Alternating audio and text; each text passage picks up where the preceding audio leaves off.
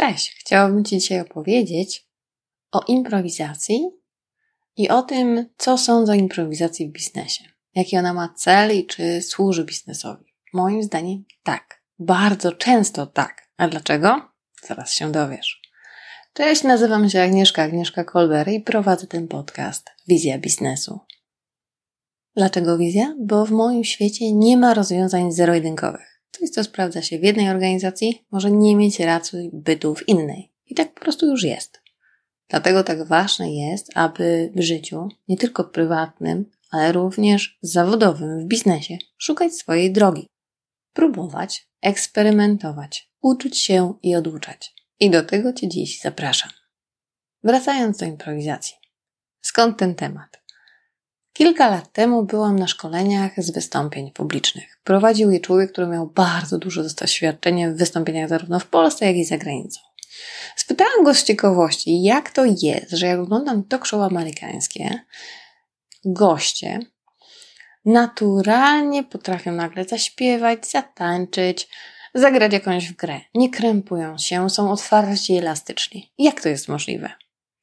Jego zdaniem podstawą tego wszystkiego jest system edukacji, który już od samego początku uczy ludzi w Stanach wystąpień. Obligatoryjnie musisz przynależeć do różnego typu kółek teatralnych, plastycznych, muzycznych. Pracujesz w grupach nad różnego typu projektami. Za każdym razem jesteś proszony o to, aby prezentować swoje wyniki, żeby występować, dzielić się i w ten sposób współpracować z innymi. Jeżeli takie podstawowe i takie narzędzia i taki mindset jest dostarczany człowiekowi od samego początku, automatycznie jego elastyczność, otwartość i wiara w swoje kompetencje w tych przestrzeniach jest inna niż nasza. Diametralnie inna. Ponieważ oni tego nie odkodowują tak bardzo hmm, krępująco jak my. A nawet jeżeli się tam tak zdarza, to jest to tak naturalne w naszym odbiorze, że nie dostrzegamy tej lekkiej tremy, niepewności, bądź tego, że ktoś nie do końca ufa swoim możliwościom. W pewien sposób dał mi to taki jakiś pomysł i zarys myślenia o tej kwestii. W czasie pandemii, gdy miałam trochę więcej czasu, podobnie pewnie jak wszyscy, trafiłam zaś do agencji IoT Smart Agency z Berlina. Jest to agencja marketingowa, kreatywna, hmm, bardziej koncentrująca się na innowacjach. Jest to agencja, która pracuje w narzędziach design thinking, design sprint. Jej zadaniem jest pomóc organizacji zdobyć wiedzę i pomysły od jej własnych pracowników. Wchodząc z pewną recepturą i narzędziami, oni pomagają wydobyć tą, te informacje, uporządkować, uzupełnić, zmiksować na tyle, aby powstało coś kompletnie nowego. Dzięki temu pracują z największymi globalnymi graczami, począwszy od Google, od Twittera, po Lego, rynek korporacyjny i za każdym razem pracują tak naprawdę nad stworzeniem czegoś nowego, nad udoskonaleniem oferty, nawet nad marketingiem i strategią. I to, czego się nauczyłam od nich przez te wszystkie lata, to tak naprawdę fakt, że improwizacja w ich świecie jest niezbędna. Dla nich improwizacja poniekąd to było tak naprawdę podążanie za Twoją intuicją.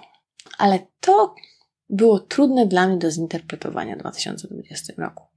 Później trafiłam do zamkniętej grupy prowadzonej przez tą szkołę Workshopper Master, gdzie spotykam się regularnie z facylitatorami, a więc właśnie takiego typu moderatorami grupowymi z całego świata. I to, co mnie najbardziej zaskoczyło, to fakt, jak moja interpretacja i nastawienie do improwizacji było kompletnie inne od ich.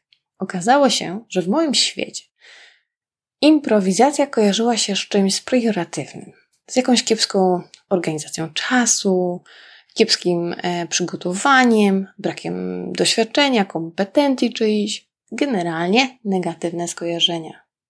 Ich doświadczenie i praca z różnego typu firmami na różnego typu narzędziach pokazały, że tak naprawdę improwizacja jest niezbędna w organizacjach, niezbędna w procesach i jest jedynym narzędziem, które umożliwia tak naprawdę stworzenie czegoś. Dlaczego?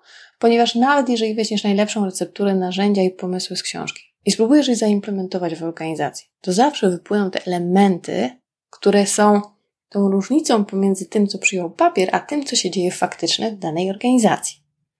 Na salach szkoleniowych to widać, na warsztatach, często na liniach produkcyjnych, na spotkaniach. Tak naprawdę nie ma miejsca w firmie, gdzie coś nie styka. I ta improwizacja pozwala ci w sposób naturalny do tego podejść, kiedy ty tak naprawdę zakładasz, że do tej improwizacji, i to jest clue, przygotowało cię całe twoje dotychczasowe doświadczenie, wiedza i ty masz kompetencje, żeby improwizować w danym momencie. I to by zmieniło diametralnie moje podejście do tej kwestii. Ponieważ improwizacja w tym świetle staje się czymś pierwsze pozytywnym, po drugie niezbędnym, a po drugie ona ma właśnie ten cały zasób, którego ja nie dostrzegałam. Co to znaczy? Że decyzje, które są podejmowane, one są poparte zdarzeniami, faktami, liczbami, sygnałami, które wskazują na to, że należy coś zrobić tak, a nie inaczej. Nawet jeżeli scenariusz, powiedzmy, jakiegoś warsztatu wygląda tak, to my go zmieniamy. Jeżeli proces produkcji czegoś wygląda tak, to sugerujemy na przykład modyfikację. I się okazuje, że to rozwiązanie improwizacyjne, ono jest niezbędne, żeby było implementowane w organizacjach, które pracują nad czymś nowym, chcą być innowacyjne, chcą coś tworzyć, rozwijać. Ale nawet w takich przestrzeniach, gdzie mamy bardzo ustrukturyzowany proces i zazwyczaj wiemy, co wkładamy i co wyciągamy, ta przestrzeń pomaga nam do tych wyjątkowych sytuacji, kiedy coś się wydarza poza takim standardem naszym. Czyli pojawiają się problemy, błędy, czynniki zewnętrzne nieprzewidziane, błąd ludzki bądź jakieś zdarzenia, które wpływają na to, że ten proces nie może przepłynąć tak, jak powinien.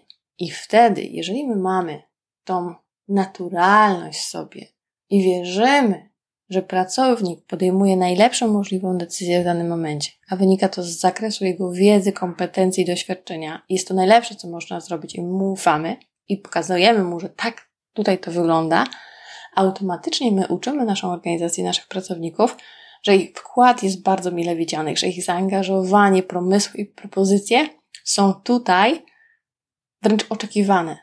Automatycznie takie organizacje, które mm, pozwalają w ten sposób się rozwijać, kreować, budować, jakkolwiek to nazwiemy od środka, mają dużo większą szansę na to, aby dynamicznie dostosowywać się do zmian zachodzących na rynku, być prekursorami nowości i idei, które jeszcze nie istnieją, i tak naprawdę wyznaczać pewne trendy bądź kierunki rozwoju dla innych. I w ten oto sposób mój sposób myślenia improwizacji, o jej perspektywie w biznesie zmienił się kompletnie.